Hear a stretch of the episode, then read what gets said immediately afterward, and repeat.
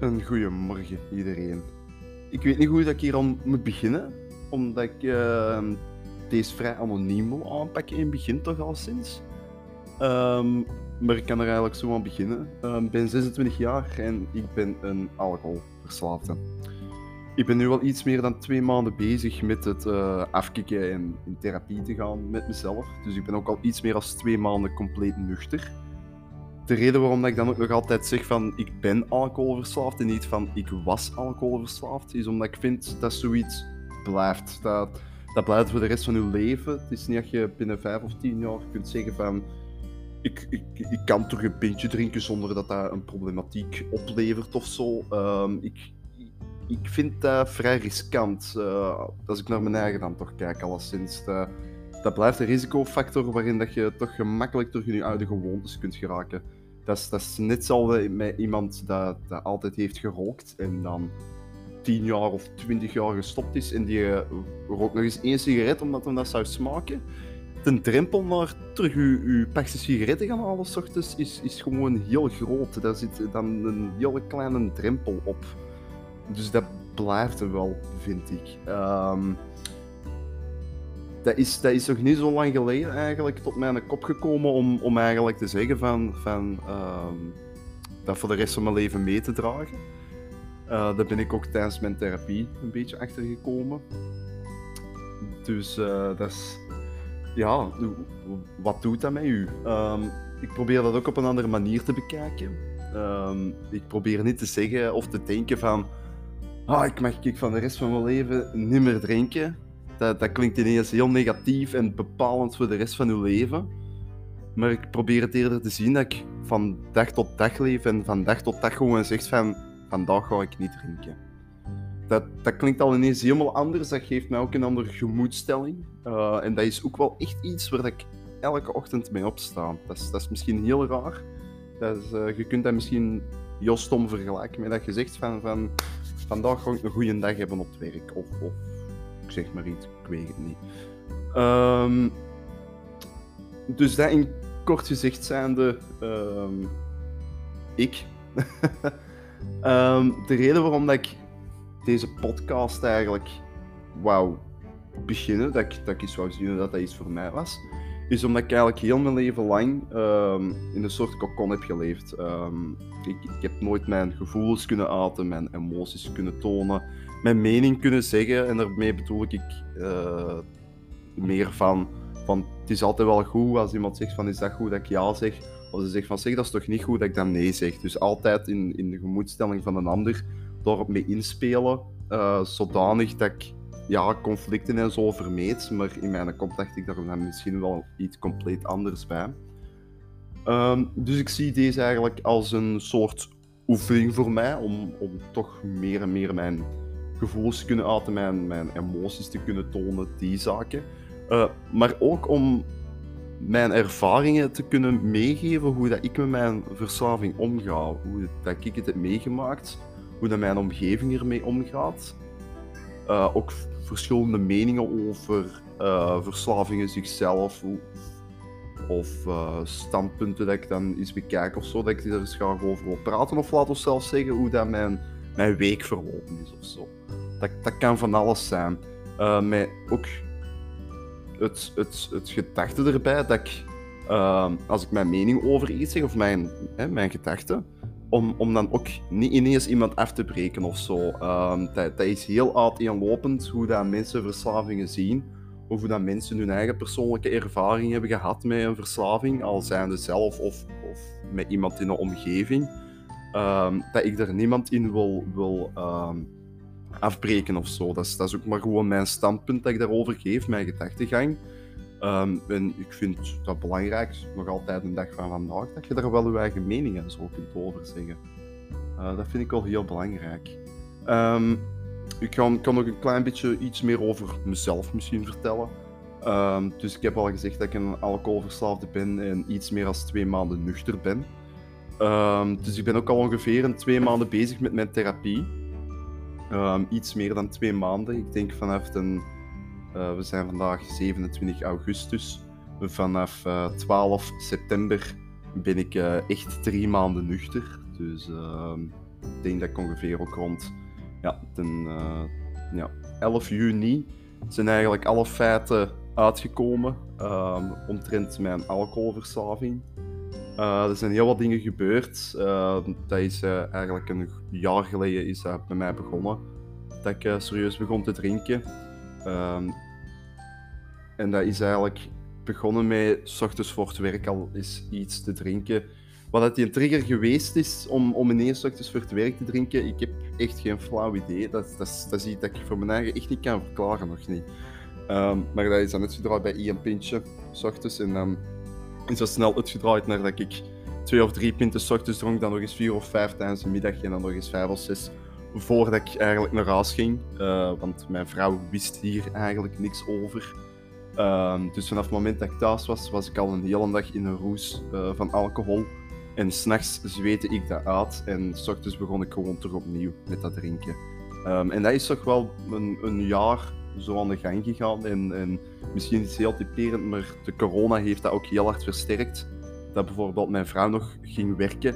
Uh, zij kon achter gesloten deuren werken, maar ik kon dat niet. Dus ik zat alleen thuis hele dagen. En dan heeft dat ook wel echt serieus uh, meegedragen aan dat ik uh, thuis ook begon te drinken. Um, zoals ik al zei, 11 juni is eigenlijk allemaal uitgekomen door verschillende omstandigheden. Um, ik ben daardoor ook mijn job kwijtgeraakt. Um, maar ik kwam wel toen tot het besef van dit is niet meer oké. En ik wou er eigenlijk zo snel mogelijk mee aan de slag geraken. En uh, was op een donderdag en pas maandag ben ik eigenlijk opgenomen geweest in de Paas. Dat is een uh, uh, psychiatrische afdeling in het Algemeen Ziekenhuis. Uh, daar komen eigenlijk alle mensen naartoe die met problemen kampen. Laten we nu zeggen of dat een verslaving is of, of een depressie of eender welk. Die komen er eigenlijk allemaal samen. Je gaat er eigenlijk naartoe om uh, uw detox al te krijgen en tot rust te komen. Zo zeg ik het toch voor mij alleszins. Um, en ik ben er dan naartoe gegaan met het gedacht van ik wil uh, wel een, een, specifieke opname omtrent mijn verslaving. Uh, en dat was dan ergens anders. Uh, en daar ben ik vrij snel op een intakegesprek kunnen gaan. En ben ik ook heel snel opgenomen geweest. Dus ben eigenlijk maar een anderhalve week in de paas geweest. maar dat was al heel goed voor mijn detox en ook voor tot rust te kunnen komen. Um, om even, en dat was, ook, dat was ook de bedoeling om even van de buitenwereld verwijderd te worden om niet meer in contact... Ik heb nog wel elke dag contact gehad met mijn vrouw natuurlijk en met mijn omgeving. Uh, maar al die triggers, dat veroorzaakte dat ik dronk. Uh, het, laten we nu zeggen, het werk, ehm, zo'n zaken. Eh, dat dat gewoon even allemaal aan de kant geschoven was. Ehm, en dan ben ik dan naar mijn echte opname kunnen gaan, om het zo maar te zeggen. En daar ben ik nu in mijn negende, bijna tiende week in bezig. Dus dat is eerst uh, naar residentiële opname gegaan, dat ik daar eigenlijk moest overnachten. En dan twee keer in de week uh, kon ik bezoek krijgen. Um, en dat is dan eigenlijk uitgedraaid na die twee weken door eigenlijk een ambulante. Dus uh, dat ik wel s'avonds naar huis mocht gaan, thuis mocht overnachten en dan s ochtends gewoon terug moest aanmelden. Uh, en dat werd er ook wel goed aangepakt. Als ik dan uh, aankwam, dan moest ik uiteraard ook altijd blazen. Of dat ik wel nuchter was natuurlijk, wat niet meer als normaal is. Uh, en in het begin had ik het daar... Allee, ik dacht wel dat dat in orde ging komen, maar de, de, de eerste keer dat ik eigenlijk op zelfstandige basis van, eh, van mijn... Ehm, ja, moet ik dat zeggen? Van waar dat ik opgenomen ben, terug naar huis te gaan uh, ik deed dat met openbaar vervoer en ik ging s ochtends en s avonds en zo ging ik altijd mijn, mijn bier halen uh, in een krantenwinkel. En de eerste keer dat ik dan terug naar huis ging, uh, ik moest dan een overstap maken en dan kwam ik eigenlijk aan de bus altijd aan, waar dat recht tegenover een krantenwinkeltje was. En ik begon te trillen en, en te doen dat niet meer schoon was. En ik wist niet wat ik hiermee moest doen. En, en dat was eigenlijk al iets dat ik thuis moest kunnen vertellen tegen mijn vrouw, om, om, om moest mijn gevoelens kunnen uit, ik moest laten weten hoe dat met mij gaat. Allee, niet van moeten, hè, maar, maar ik wou dat zelf, want ik heb dat heel mijn leven eigenlijk niet goed kunnen doen. Um, maar ik kon dat gewoon niet vertellen, omdat ik het toch niet kon plaatsen van, van, van waar komt dat nu? Is dat iets wat ik zelf uh, aan het voelen ben en aan het reageren ben, dat ik aan het trillen ben en zenuwachtig word? En ik wou dat niet, want ik, ik, ik schaamde mij er eigenlijk voor om, om dat gevoel te hebben van, van ik wil dat nu hebben. En dat was in mijn, mijn vierde week van dat ik nuchter was. Ehm, maar dat was dan eigenlijk een beetje het voordeel, dat ik, dat ik s'avonds naar huis mocht gaan en dan s ochtends terug uh, naar mijn opnamecentrum moest gaan. Want ik heb er s'avonds bewust niks van verteld uh, tegen mijn vrouw. En, en de dag daarop ben ik uh, dan terug naar mijn opnamecentrum geweest. En heb ik dat eigenlijk in mijn groep kunnen vertellen en tegen mijn begeleiders en zo. En wat ik ben achtergekomen, en dat was dus al één aspect dat ik eigenlijk nog niet wist over iets rond verslaving, is dat dat eigenlijk iets, iets bioneurologisch is. En, en niet om het als een excuus te gebruiken, hè, maar dat is eigenlijk iets meer bioneurologisch. Dat, uh, uh, bijvoorbeeld, als, als jij nu thuis bent en je raakt lekker eten, dan begint je maag al te werken en, en, je kop van, oh lekker eten, dat gaat zoiets maken. En je begint precies al wat honger te krijgen. En dat is eigenlijk net hetzelfde bij, in mijn situatie met dat krantenwinkeltje. Om, omdat al mijn ogen zien dat krantenwinkeltje en mijn kop begint te denken van, ah, dat is een krantenwinkeltje, dus wie gaat er bier aankomen. En omdat dat dan al vier weken geleden was dat ik, dat iets had gedronken, begon mijn lichaam daar zijn eigen al op voor te bereiden. Dus dat was niet iets wat ik zelf deed uit mijn eigen gedachtegang. Dat was iets wat dat mijn, mijn, mijn, mijn hersenen eigenlijk zelf hebben getriggerd. Dus ik kon daar zelf niks aan doen. En dan kon ik dat ook zelf relativeren. En, en dan heb ik dat ook die middag tegen mijn vrouw kunnen zeggen. Van kijk, gisteren voelde ik mij zo toen ik thuis kwam. Al, toen ik onderweg naar huis was. Maar ik heb dat, ik heb dat kunnen bespreken en, en dat komt daardoor en zo. Dus dat geeft mij al een heel ander gevoel omtrent. Want ik voelde mij echt al bijna gefaald om, omdat ik die gedachten al kreeg. Nu, dat was ook maar de eerste en de enigste keer dat ik momenteel mijn uh, craving heb gehad, zo heet dat. De craving eigenlijk, het gedachte van, van uh, dat je echt dat nodig hebt, dat je dat echt wilt hebben. Um, dus om, om nu al bijna 9 à 10 weken later te kunnen zeggen van, van dat ik die gedachte eigenlijk niet meer echt heb gehad, of, of die, die drang naar alcohol, um, dat is toch al een goed aspect, een goed, een goed begin, vind ik. Um, dus ja, dat, dat, is toch al wel iets om bij een beetje bij kunnen stilstaan, vind ik persoonlijk. Um, en ja, dat, dat, dat, vond ik heel eng, dat, dat mijn gedachte over dat aspect van verslaving, dat dat eigenlijk al verkeerd was. dat, is, dat is raar dat je zelf als, als verslaafde, dat je denkt te weten hoe dat je verslaving in elkaar zit, maar dat dat eigenlijk compleet fout is. En, en dat, doet u, dat zet u ook een beetje aan het denken. En, en er zijn gewoon heel veel aspecten waarbij dat mensen uh, denken dat ze het weten over hoe een verslaving werkt, of, of, of noem maar op, terwijl dat, dat compleet fout is. Um, en daar heb ik al, al twee of drie keer een, een sessie over gehad eigenlijk. Van, uh, die sessie heette van alles wat je denkt te weten over een verslaving is fout. En dan ben ik dat gaan... Uh, en ben even wat drinken aan mij zeg.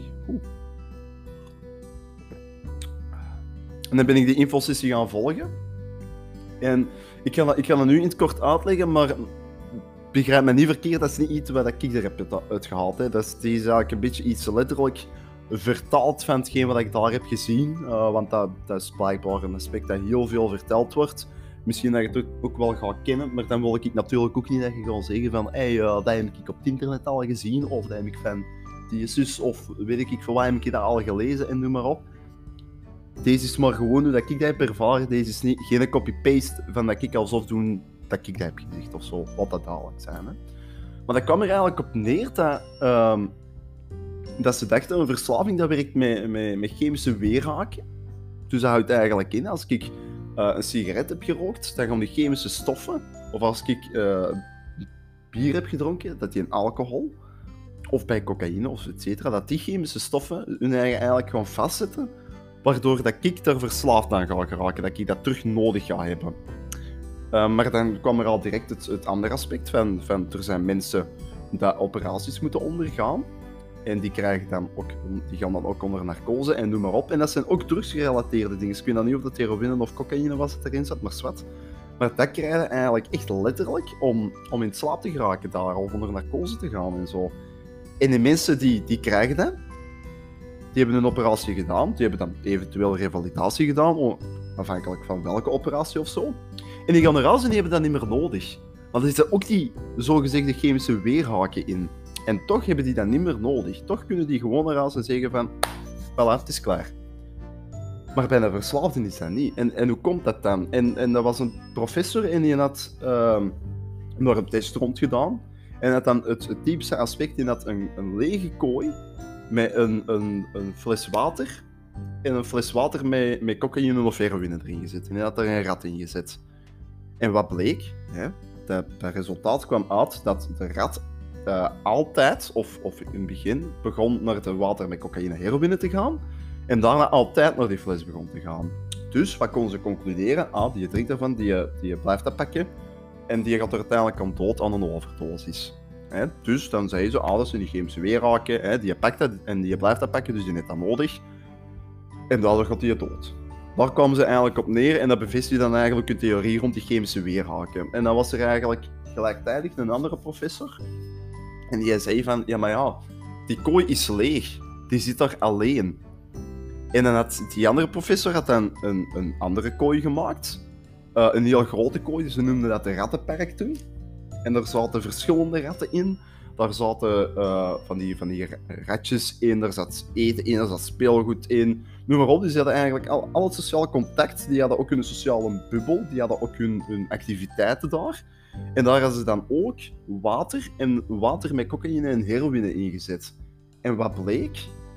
Dat resultaat draaide uit op dat, dat er eigenlijk 9 van de 10 ratten en zo, dat die misschien wel eens een enkele keer om die water met cocaïne en heroïne zijn geweest, maar dat die daarna alleen maar het gewone water hebben gedronken en geen enkele rat is daarvan dood gegaan. Dus hij kwam eigenlijk meer tot de conclusie dat uw omgeving een directe, serieuze impact heeft op hoe dat jij met een verslaving gaat omgaan en zo. Dat dat niet per se begint bij die chemische weerhaken. Oké, die speelt natuurlijk wel een rol, maar het is vooral uw omgeving waarin dat jij opgroeit en uh, in omgaat, dat er een trigger voor kan zijn. Laat ons nu zeggen, uw privésituatie, uw werk, uh, uw vrije tijdsbesteding, de, mensen waarmee dat jij omgaat. Dat, daar begint dat misschien, misschien wel een beetje bij. Dat, dat zit me heel erg aan denken. Ik vond dat een heel interessant punt eigenlijk. En ik ga, ik ga niet zeggen uh, dat dat bij mij volledig het geval is, maar bij mij zijn er wel verschillende factoren in mijn en rondom mijn omgeving dat er eigenlijk voor hebben gezorgd dat ik ook naar die alcohol ging. Um, dus ja, dat, dat, dat, zit u echt aan het denken eigenlijk. En uh, zoals ik in het begin al zei, ik, ik, ik, heb vroeger mijn emoties niet kunnen tonen. Ik heb, ik heb mijn mening nooit niet fatsoenlijk kunnen zeggen. En dat was niet omdat dat niet mocht, hè. begrijp me niet verkeerd. Hè. Maar zo was ik opgevoed. Ik heb dat nooit niet fatsoenlijk geleerd. En, en dat, ja, dat heeft dan uiteindelijk gezorgd door alles wat er rondom mij gebeurde, op het werk en financieel en noem maar op dat ik daar niet over kon praten, niet durfde te praten. En, en dat dat eigenlijk alles in samenloop heeft gezorgd dat, dat ik het gevoel had dat ik er eigenlijk alleen voor stond. Of dat ik precies al, ja, dat, ik, dat ik alleen was. En dat dan alcohol mijn uitvlucht was om, om in een roes te geraken van, van dat ik er niet aan moest denken. Maar de dag daarna komt dat probleem natuurlijk terug. Hè. Dan, dan zit je gewoon terug in hetzelfde schaaltje dat je terug in een roes geraakt om, om, om dat terug even te doen vergeten. En dat is ook maar even, hè. dat is echt niet lang. Daarmee dat je ook altijd meer en meer nodig hebt om dat te kunnen vergeten. Ik zeg het, dat begon bij mij met één pintje, maar dat ging naar, naar vier, vijf pinten, dan nog eens vier, vijf pinten, en dan nog eens vier, vijf pinten op een dag. Op een gegeven moment zat ik op 20 eh, pintjes per dag om, om eigenlijk in mijn roes te komen, om niet te denken aan de dingen die rondom mij gebeurden. Dus dat is heel eng. En ja, dan, dan ben ik in mijn opname geraakt. En, en dat, is, dat is ook heel raar. Alleen raar niet, maar dat, ja, je zit er met allemaal mensen die eigenlijk met hetzelfde soort probleem kampen. Daar wordt eigenlijk alcohol en, drugsverslaving aangepakt. Maar het meeste deel dat ik daar uh, zijn tegengekomen al en met de mensen omgaan, zijn mensen met een alcoholverslaving. Uh, ja, je hoort dat, ja, ik, ik ben nu nog maar 26 jaar. Maar er zijn mensen bij die, ja, die al 20 jaar te kampen hebben met een alcoholverslaving. Of dat al, dat al aan hun derde opname bezig zijn. Um, En ja, dat is, dat is eng. En, en dat zit mij ook wel aan het denken van, van er moet toch wel, allee, wel iets zijn bij die mensen of, of rondom hun in de omgeving dat dan toch terug voor een, trigger zorgt om, om toch terug te beginnen drinken. En dat, dat, dat, dat, geeft mij wel schrik natuurlijk. Um, je, je kunt je eigenlijk nooit niet, niet voornemen. Allee, je kunt dat wel voornemen om te zeggen van ik ga niet meer drinken en ik heb er genoeg van. Tralala. Maar er moet zijn eigen maar gewoon eens één situatie voordoen dat zo uh, drastisch is, dat, dat zo, um, ja, zo zwaar is om mee om te gaan, dat, dat die fles terug heel dichtbij staat.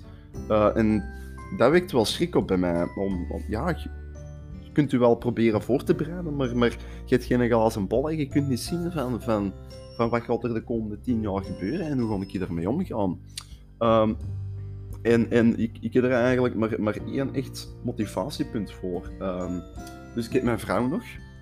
Um, wij zijn er samen aan aan het werken. De, de, steun dat ik van mijn, mijn vrouw heb gekregen en nog altijd heb, is, is onwaarschijnlijk. Ik denk dat ik mij heel gelukkig mag prijzen, omdat ik denk dat er heel veel mensen zouden zijn in die situatie dat u zouden verlaten. Um, dus daar, daar kus ik nog elke dag mijn beide polletjes voor. Uh, en mijn uh, familie en mijn schoonfamilie die steunen mij ook enorm. Uh, maar ik ben momenteel in verwachting van. Allee, wij zijn momenteel in verwachting van ons eerste kindje. En ik ben zelf opgegroeid ook in een gezin met alcoholverslaving. En daarbij, die persoon is ook op. Allee, hè, dus van de ouders, een van de twee. Die persoon is ook opgegroeid in de situatie met alcoholverslaving. En nu ben ik, ook, alleen nu ben ik daar ook mee bezig. En, en dat is eigenlijk een visieuze cirkel. Hè. Dat is begonnen bij, uh, bij een van mijn ouders. En mijn ouder heeft dat meegenomen naar mij. En ik heb dat nu ook. Uh, en dat is de visie, visieuze cirkel. Ik ga dan niet meer op de woorden komen. Um, en, en mijn motivatie daarin is van... Ik, ik ben uw vader in spe en ik, ik, ik wil die cirkel doorbreken. Um, ik denk dat ik daar wel de mogelijkheid en de kans tot toe heb om er eigenlijk voor te zorgen dat ik uh, ons kind kan voorbereiden op de gevaren die uh, een verslaving kunnen meebrengen. Laat ons nu zeggen of dat, een, een nicotineverslaving is, of een alcoholverslaving, of noem maar op. Het is gewoon um, goed dat ik ons kind daar hopelijk in kan voorbereiden. Ik wil die cirkel doorbreken. En dat is echt gewoon mijn motivatie. Ons kindje is echt mijn motivatie om te zeggen van ga hier nu al gewoon voor. Zorg dat je, als, als die kleine er komt, dat je dan al vol... dat je al goed aan je eigen hebt gewerkt en dat je toch al zeker van dat alcoholprobleem afzet. Want ik heb nog wel meer thema's die aangepakt moeten worden bij mij, maar dat, is, dat, zijn, dat zijn maar details. Dat zijn nog dingen die aangepakt gaan worden, maar ik moet ergens beginnen. En, en, en ik ben natuurlijk te laat begonnen om aan mijn alcoholverslaving te werken. Maar het is beter nu tegenover dat dat pas gaat gebeuren als, als ons kindje er is. Um, dus ja, die, dat is zo'n sterke motivatie had dat, ik had dat zelf niet kunnen inbeelden. Dat, dat, dat, dat zoiets, ook al zit dat nog in de buik, dat kindje, dat dat al zo sterk kon doorwegen op hetgeen wat ik, wat ik moest doen. Um, en dat is bij veel mensen um, dat die ook denken en, en zeggen van je moet um, in therapie gaan, je moet opgenomen worden, tralala, om eigenlijk van je ziekte, hè, dus die verslaving, af te komen. Maar ik zie het ook niet echt als een ziekte. Het is natuurlijk wel een verslaving. Maar het is, het is uw omgeving en, en, en waar, waar dat jij je motivatie in steekt, dat eigenlijk het, het, het, uh, het sterker maakt om als motivatie om, om, om daaraan te beginnen, om daarmee te stoppen en zo. Uh, en natuurlijk therapie, opname, et cetera, dat is wel nodig, maar je hebt natuurlijk ook eigenhandig een zelf een motivatie nodig. Maar dat je er zelf niet achter staat, dan, dan haalt dat heel weinig tot niks uit om, om eraan te beginnen ook niet. Dus wederom gezegd, mijn kind is er echt een, een enorm motivatiepunt in. En mijn vrouw natuurlijk ook. Om, om eigenlijk aan mezelf te werken, om te zorgen als die kleine er is, dat ik, dat ik dat je ook voor die kleine kan zijn. En dat ik die later ook kan behoeden voor wat alcohol of, of nicotine of zo met zich meebrengt. Um, dus ja, maar dat is, dat het, is, het is nog een, een 39 dagen voordat ik normaal vader ga worden. Dus ik ben nu toch al een goede drie, vier weken, uh, weken, maanden bezig bijna. Dus Dat komt wel goed. Ehm, ik ga stilletjes aan deze aflevering, om het zo maar te zeggen, afronden. Ehm, ik hoop dat jullie het toch al interessant vonden. Deze is ook nog maar de eerste dat ik heb gemaakt. En we zullen wel zien wanneer dat de volgende komt. Ik ben aan het denken om dit misschien op een wekelijkse basis aan te pakken en aan te werken. Mijn excuses als je op de achtergrond een kat hoort. Uh, die zagen heel de dag door voor aandacht. Dus ik denk dat ik die dat ook maar eens moet gaan geven momenteel. Um, ik hoop dat je het interessant vond. Um, je kunt gerust, uh, ik denk dat deze ook op Spotify en op uh, de podcast van Apple terechtkomt. Dus dat kun je gerust volgen dat je notificatie krijgt moest er een volgende aflevering komen. Zo, tot ziens en een fijne dag nog.